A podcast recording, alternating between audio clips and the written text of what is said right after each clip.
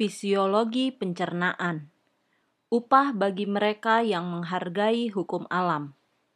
Karena menghargai pemeliharaan perut yang sewajarnya, kita mendapat upah yaitu pikiran yang cerdas dan kuat. Janganlah alat-alat pencernaanmu rusak sebelum waktunya sehingga engkau ternyata bersalah. Kita harus menghargai kecakapan yang Tuhan berikan dengan makan, belajar, dan bekerja secara bijaksana. Tugas yang harus kita lakukan yaitu untuk memelihara tubuh begitu rupa agar napas kita bersih dan tidak berbau busuk. Kita perlu menghargai reformasi kesehatan, baik dengan perkataan atau perbuatan, dan memantulkan cahaya terang kepada orang lain tentang pelajaran ini Akibat kegelojohan terhadap fisik. Pengaruh apakah yang dibawa oleh makan terlalu banyak terhadap lambung? Lambung itu menjadi lemah dan akhirnya jatuh sakit karena kesalahan yang dilakukan. Jikalau seseorang mendapat penyakit sebelumnya, maka kesulitan semakin bertambah dan tiap hari tenaganya semakin berkurang. Mereka menggunakan kuasa kehidupan untuk perbuatan yang tidak perlu dalam hal mencerna makanan yang tidak perlu.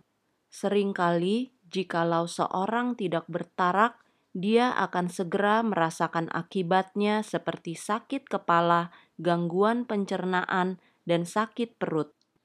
Ke dalam lambung telah dimasukkan beban berat yang tidak dapat ditanggung, maka terasalah satu siksaan pikiran akan kacau dan perut memberontak.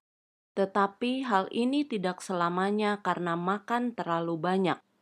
Dalam beberapa hal, lambung itu dilumpuhkan dan tidak terdapat rasa nyeri, tetapi alat pencernaan kehilangan tenaga. Mesin tubuh manusia itu lama-kelamaan menjadi rusak, sehingga hidup tidak terasa nyaman saya menasihati kamu supaya menyederhanakan makananmu. Ingatlah, selaku pengawal Kristen yang rasional, kamu harus menjaga pintu perutmu. Jangan biarkan sesuatu melewati mulutmu yang menjadi musuh kesehatan dan kehidupanmu. Allah menganggap bahwa kamu bertanggung jawab untuk mengikuti terang yang diberikan kepadamu tentang reformasi kesehatan harus dijaga supaya kepala tidak dibanjiri oleh darah. Ada banyak pembuluh darah besar di lengan dan di kaki untuk maksud pembagian darah ke seluruh bagian tubuh. Api yang kamu nyalakan di dalam perut akan membuat otakmu seperti sebuah dapur api yang panas. Makanlah lebih sedikit, makanlah makanan yang sederhana yang tidak memerlukan bumbu masak yang banyak nafsu yang tak terkendalikan janganlah dibangkitkan. Aliran darah yang sangat banyak di dalam otak akan menguatkan naluri hewani dan melemahkan kuasa rohani. Apa yang kamu perlukan ialah mengurangi makanan yang bersifat jasmani dan lebih banyak makanan rohani, lebih banyak roti hidup. Lebih sederhana makananmu, lebih baik pengaruhnya bagimu kerusakan pada mesin. Saudaraku, kamu perlu belajar banyak.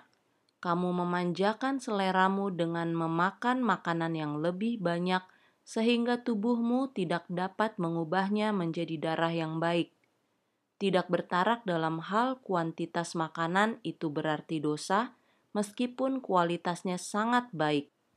Banyak orang merasa jikalau mereka tidak memakan daging dan bahan-bahan makanan lainnya, mereka boleh memakan makanan sederhana sampai mereka tidak lagi merasa enak makan. Hal ini salah.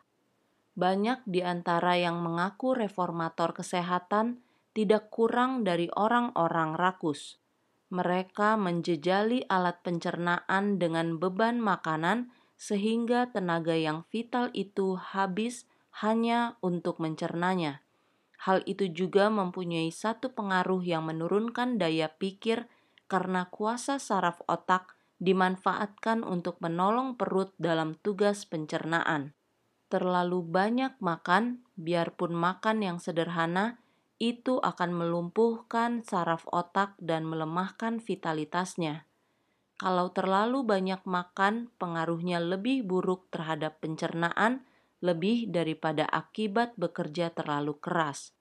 Begitu juga tenaga-tenaga jiwa lebih dilumpuhkan karena makan tidak bertarak, lebih daripada bekerja tidak bertarak alat pencernaan seharusnya tidak dibebani dengan makanan yang terlalu banyak, walaupun makanan itu berkualitas, karena sifat keterlaluan merusak perut. Segala sesuatu yang dimasukkan ke dalam perut dapat merusak mesin tubuh kalau beban itu melebihi kesanggupan untuk menghasilkan darah yang baik. Karena bahan itu tidak dapat diolah menjadi darah atau daging, kehadirannya akan membebani hati sehingga dapat melemahkannya. Perut harus kerja lembur untuk membuangnya, maka timbullah perasaan malas yang dianggap sebagai rasa lapar tanpa membiarkan alat pencernaan istirahat dari kerja keras. Maka untuk menambah tenaganya, dimasukkanlah sejumlah makanan ke dalam perut sehingga mesin tubuh itu harus bergerak kembali alat itu mendapat gizi hanya sedikit dari makanan yang terlalu banyak, walaupun makanan itu berkualitas tinggi dibanding dengan makan sedikit tetapi dimakan secara teratur. Pencernaan dilancarkan oleh gerak badan yang sedang. Saudaraku, otakmu sudah dilumpuhkan. Orang yang makan banyak seperti kamu seharusnya seorang pekerja keras gerak badan penting untuk pencernaan. Begitu juga memelihara kondisi tubuh dan pikiran yang sehat. Engkau memerlukan olahraga fisik. Engkau bergerak dan berlaku seakan-akan engkau terbuat dari kayu, seakan-akan semuanya kaku. Apa yang engkau perlukan ialah gerak badan yang aktif dan menyehatkan. Ini akan menyehatkan pikiran janganlah belajar atau mengadakan gerak badan segera sesudah makan besar. Ini berarti pelanggaran hukum fisik. Segera sesudah makan, tenaga syaraf dihabiskan. Tenaga otak dimanfaatkan untuk menolong perut.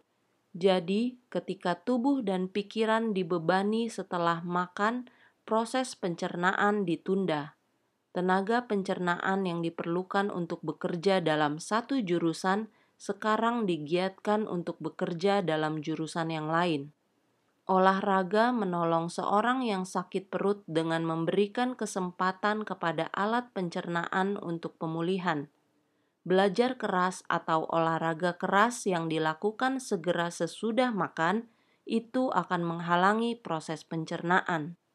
Tenaga pencernaan yang diperlukan untuk melaksanakan pekerjaannya sekarang diperlukan di bagian lain. Tetapi kalau seorang berjalan kaki setelah makan dengan posisi kepala yang tegak dari bahu ditarik ke belakang, memberikan satu keuntungan besar. Pikiran itu dialihkan kepada keindahan alam. Lebih baik kalau lebih sedikit perhatian diberikan kepada perut.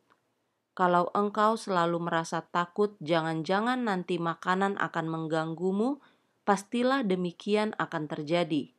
Lupakan semua kesusahanmu, pikirkanlah sesuatu yang menggembirakan.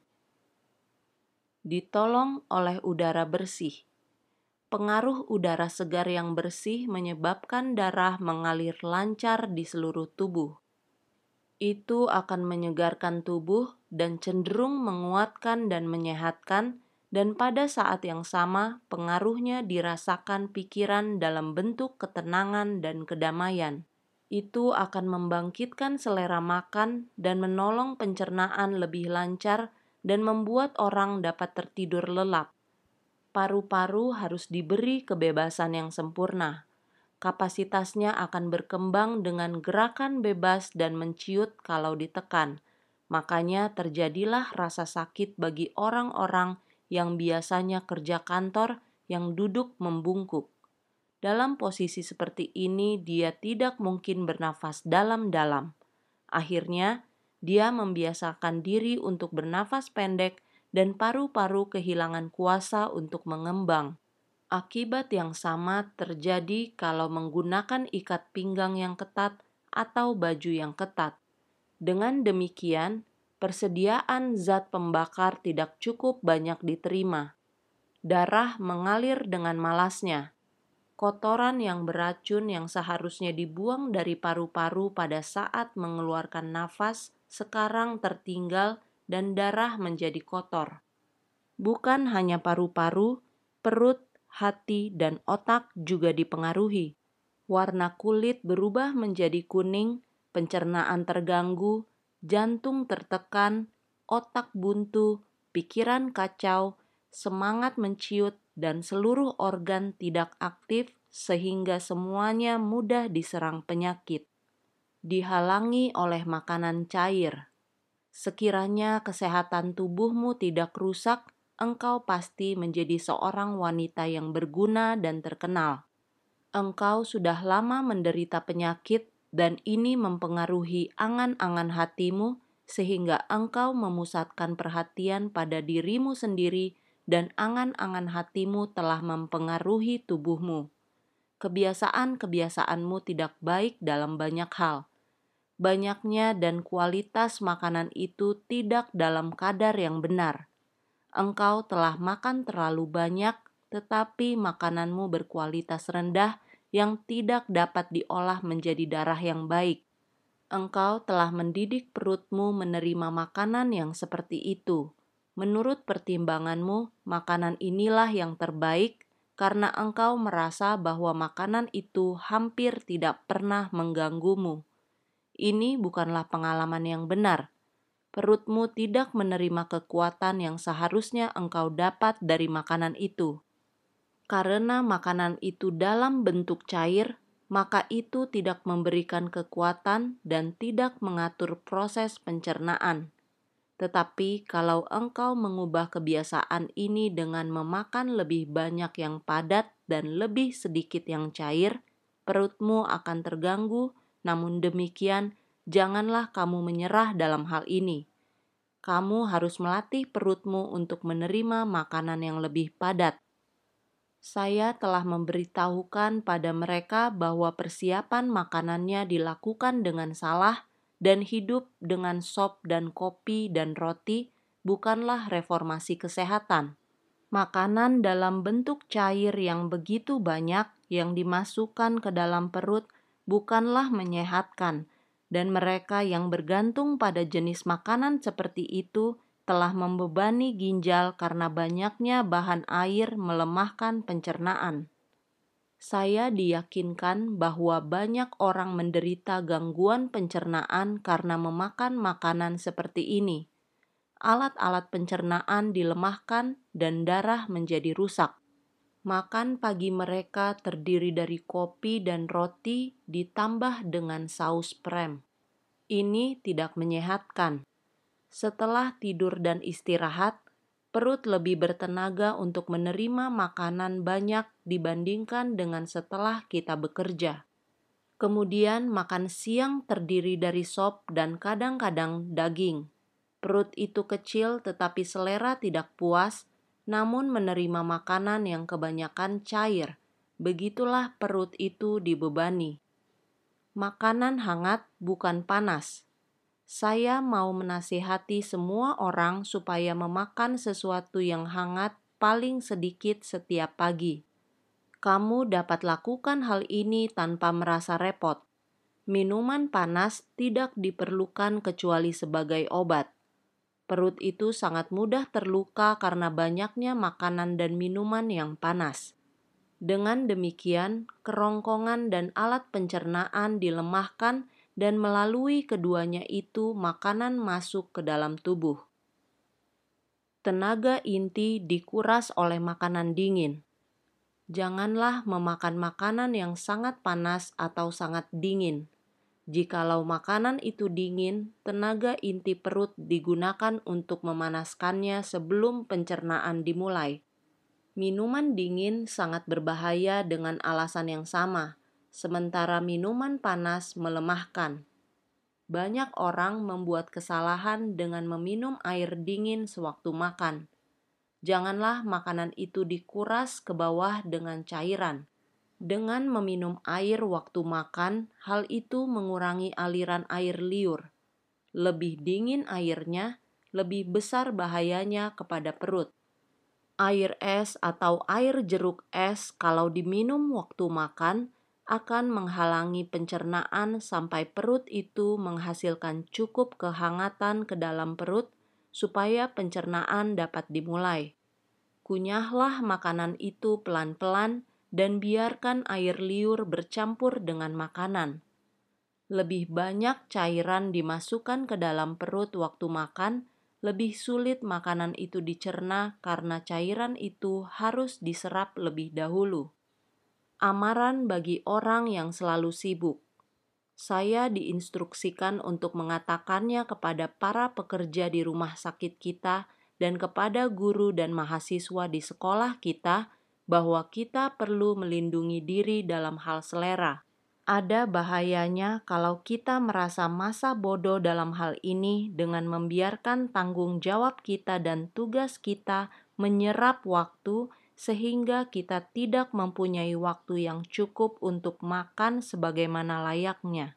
Pekabaran saya bagimu ialah sisihkan waktu untuk makan, jangan jejali perutmu dengan beragam makanan setiap makan. Memakan makanan yang beragam dengan terburu-buru adalah satu kesalahan yang fatal. Makanlah perlahan dan kunyahlah dengan saksama untuk memperoleh pencernaan yang lancar, makanan harus dimakan dengan pelan-pelan.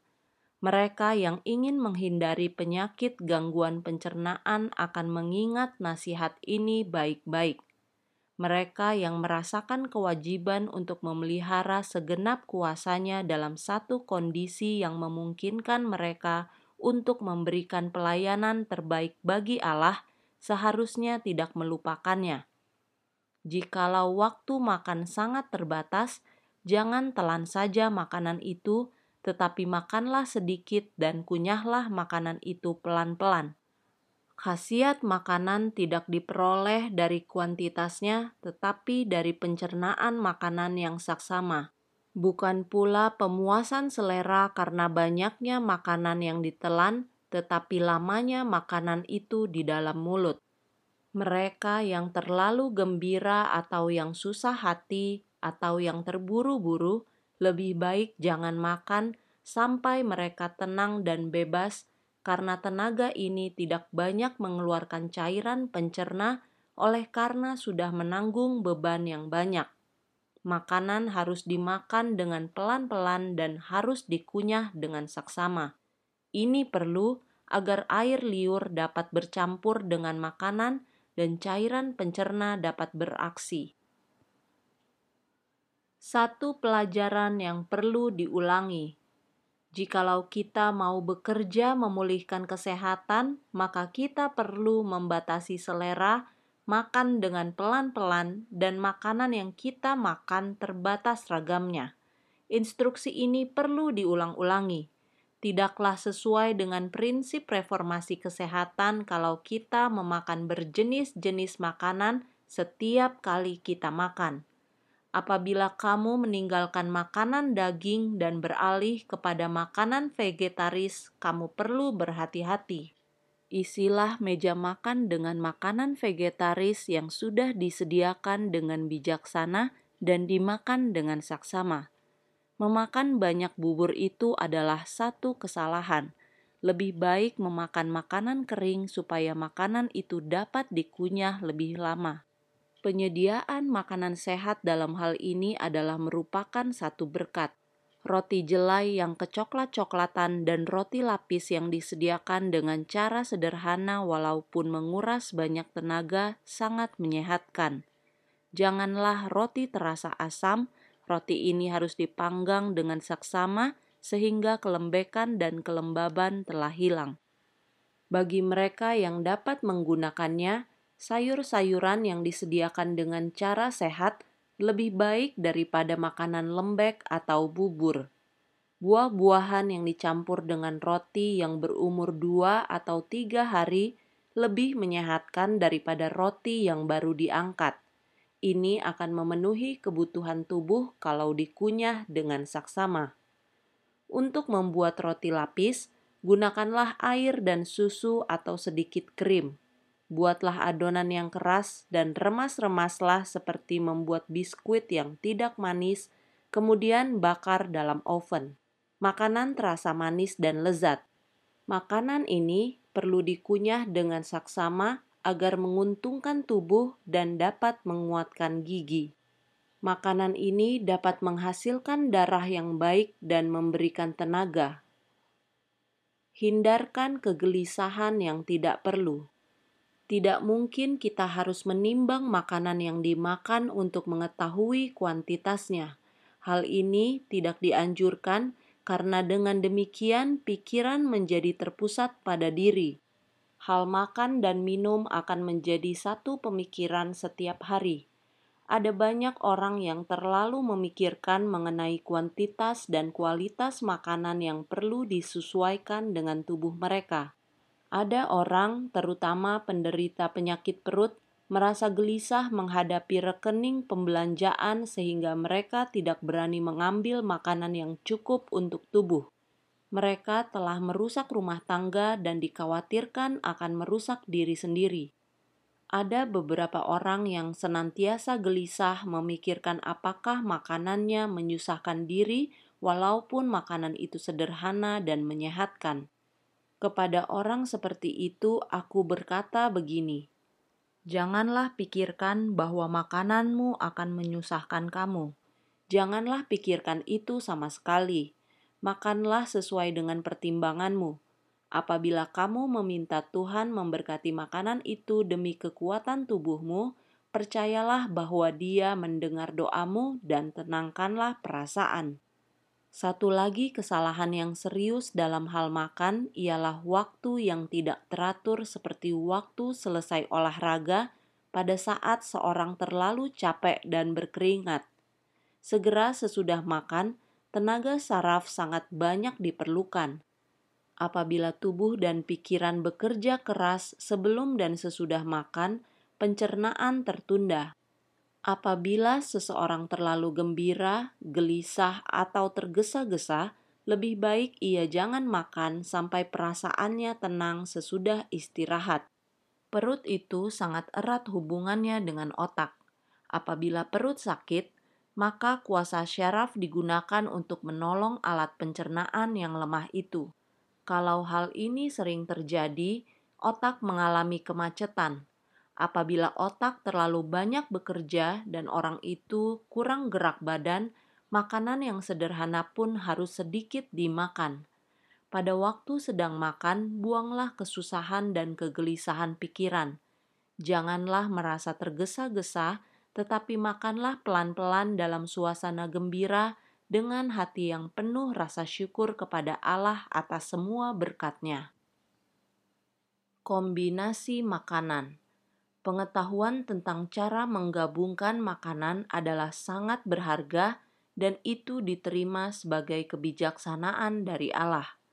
Jangan makan terlalu banyak ragam makanan setiap kali kamu makan – cukuplah tiga atau empat macam. Kamu bisa menggantinya pada waktu makan berikut. Juru masak harus menggunakan kuasa pikirannya untuk menyediakan makanan bervariasi. Janganlah dipaksa perut itu menerima makanan yang sama dari waktu ke waktu. Janganlah terlalu banyak ragam makanan setiap kali kamu makan tetapi makanan setiap hari janganlah terdiri dari makanan yang sama tanpa variasi. Makanan harus disediakan dengan cara yang sederhana, namun cita rasa yang mengundang selera jangan sampai diabaikan. Jauh lebih baik kalau kita hanya memakan dua atau tiga ragam makanan satu kali makan daripada mengisi perut itu dengan berbagai-bagai ragam makanan. Banyak orang jatuh sakit karena pemanjaan selera mereka. Begitu banyak ragam makanan yang dimasukkan ke dalam perut, sehingga terjadilah fermentasi. Keadaan ini akan menimbulkan penyakit akut, lalu kematian sering kali menyusul. Banyaknya ragam makanan sekali makan akan menyebabkan perasaan tidak nyaman dan akan merusak sari makanan itu sendiri. Kebiasaan ini akan menyebabkan penderitaan yang berkesinambungan dan kadang-kadang kematian. Kalau kamu seorang pekerja yang banyak duduk, adakanlah gerak badan setiap hari. Setiap kali makan, ambillah dua atau tiga ragam makanan yang sederhana. Janganlah lebih daripada itu, walaupun kamu masih merasa kurang puas. Gangguan akan timbul karena kombinasi makanan yang kurang tepat.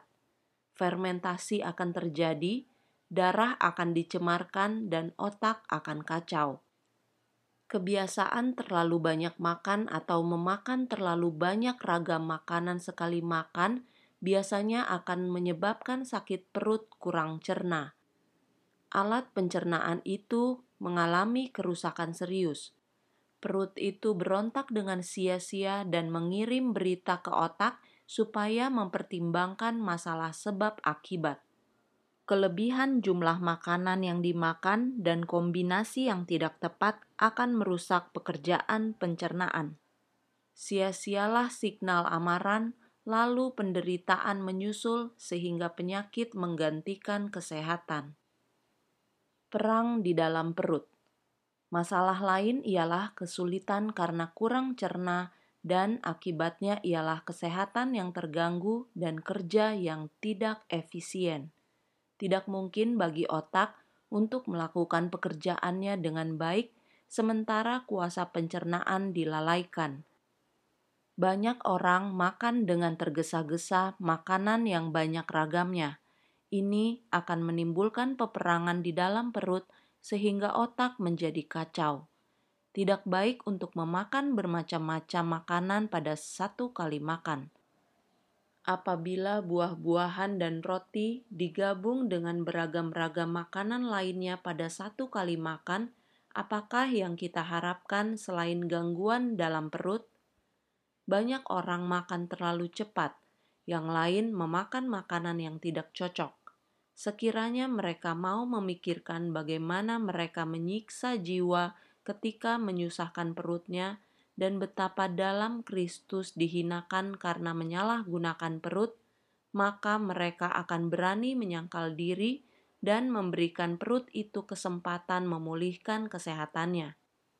Sementara duduk di meja makan, kita dapat melakukan penginjilan oleh makan dan minum demi kemuliaan Allah.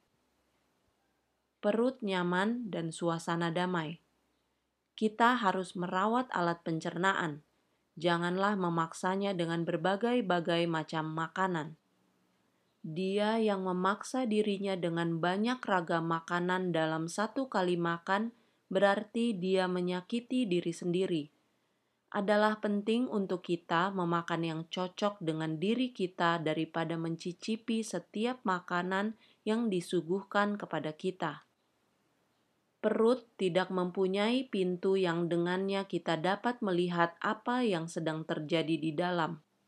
Dengan demikian, kita harus gunakan pikiran kita dan pertimbangkan masalah sebab akibat. Jikalau kamu merasa segalanya sudah dilakukan, namun semua nampaknya salah, barangkali ini terjadi karena kamu menderita oleh sebab memakan terlalu banyak jenis makanan alat pencernaan memegang peranan penting dalam menunjang kebahagiaan dalam hidup kita. Allah telah memberikan kecakapan bagi kita untuk memilih makanan apa yang harus kita makan. Sebagai laki-laki dan perempuan yang peka rasa, kita perlu mempelajari apakah makanan kita itu cocok atau itu akan membawa kesusahan Orang yang mempunyai perut yang asam sering kali mempunyai perangai yang tidak baik. Nampaknya segala sesuatu bertentangan dengan mereka, sehingga mereka cenderung menjadi cerewet dan gampang tersinggung. Jikalau kita mau memiliki kedamaian di antara kita, kita harus lebih banyak memikirkan kedamaian perut kita. Buah-buahan dan sayuran Janganlah terlalu banyak ragam makanan sekali makan. Hal ini akan mendorong orang makan terlalu banyak sehingga mengalami kurang cerna. Tidak baik memakan buah dan sayuran pada waktu yang sama. Jikalau pencernaan seseorang lemah, penggunaan kedua bahan tersebut akan menyebabkan kegelisahan dan kelemahan mental. Lebih baik makan buah sekarang dan makan sayur pada waktu makan berikutnya. Makanan haruslah bervariasi. Makanan yang sama disediakan dengan cara yang sama, janganlah disuguhkan di atas meja dari waktu ke waktu dan dari hari ke hari. Apabila makanan bervariasi, makanan itu akan dimakan dengan perasaan gembira sehingga alat-alat tubuh lebih terpelihara. Makanan cuci mulut dan sayuran. Puding, kue manis, dan sayuran, jikalau semuanya sekali disajikan, itu akan menyebabkan gangguan di dalam perut. Kamu memerlukan seorang ahli makanan untuk menolong menyiapkan makanan di rumahmu. Pada malam hari, pendeta nampaknya jatuh sakit, dan seorang dokter berpengalaman mengatakan padanya, "Saya memperhatikan cara makanmu. Engkau makan terlalu banyak ragam makanan pada satu waktu." Kalau buah-buahan dan sayuran dimakan sekaligus, itu akan menimbulkan asam lambung. Kemudian, darah tercemar, pikiran kacau karena pencernaan tidak sempurna engkau harus memahami bahwa setiap organ tubuh haruslah diperlakukan secara hormat. Dalam hal makananmu harus mempertimbangkan masalah sebab akibat. Gula dan susu. Biasanya orang menggunakan gula terlalu banyak dalam makanan. Kue-kue manis, puding, roti kering, selai, semua adalah penyebab penyakit perut, yaitu gangguan pencernaan. Yang lebih berbahaya adalah puding dan kustard, di mana susu dan telur serta gula menjadi bahan utama. Janganlah meminum susu bersama gula. Banyak orang yang menggunakan susu dan sejumlah gula yang banyak untuk makanan lembek sambil berpikir bahwa mereka sedang melakukan reformasi kesehatan. Tetapi air susu yang menggunakan gula menyebabkan fermentasi di dalam lambung, dengan demikian itu berbahaya. Makanan mewah dengan resep yang rumit. Lebih sedikit makanan berempah dan cuci mulut di atas meja makan lebih baik bagi semua orang yang memakan makanan itu. Semua jenis makanan dengan resep yang rumit sangat berbahaya kepada kesehatan manusia binatang yang dungu pun tidak akan mau memakan makanan seperti itu yang sering dimasukkan ke dalam perut manusia. Makanan mewah dengan resep rumit sangat merusak kesehatan.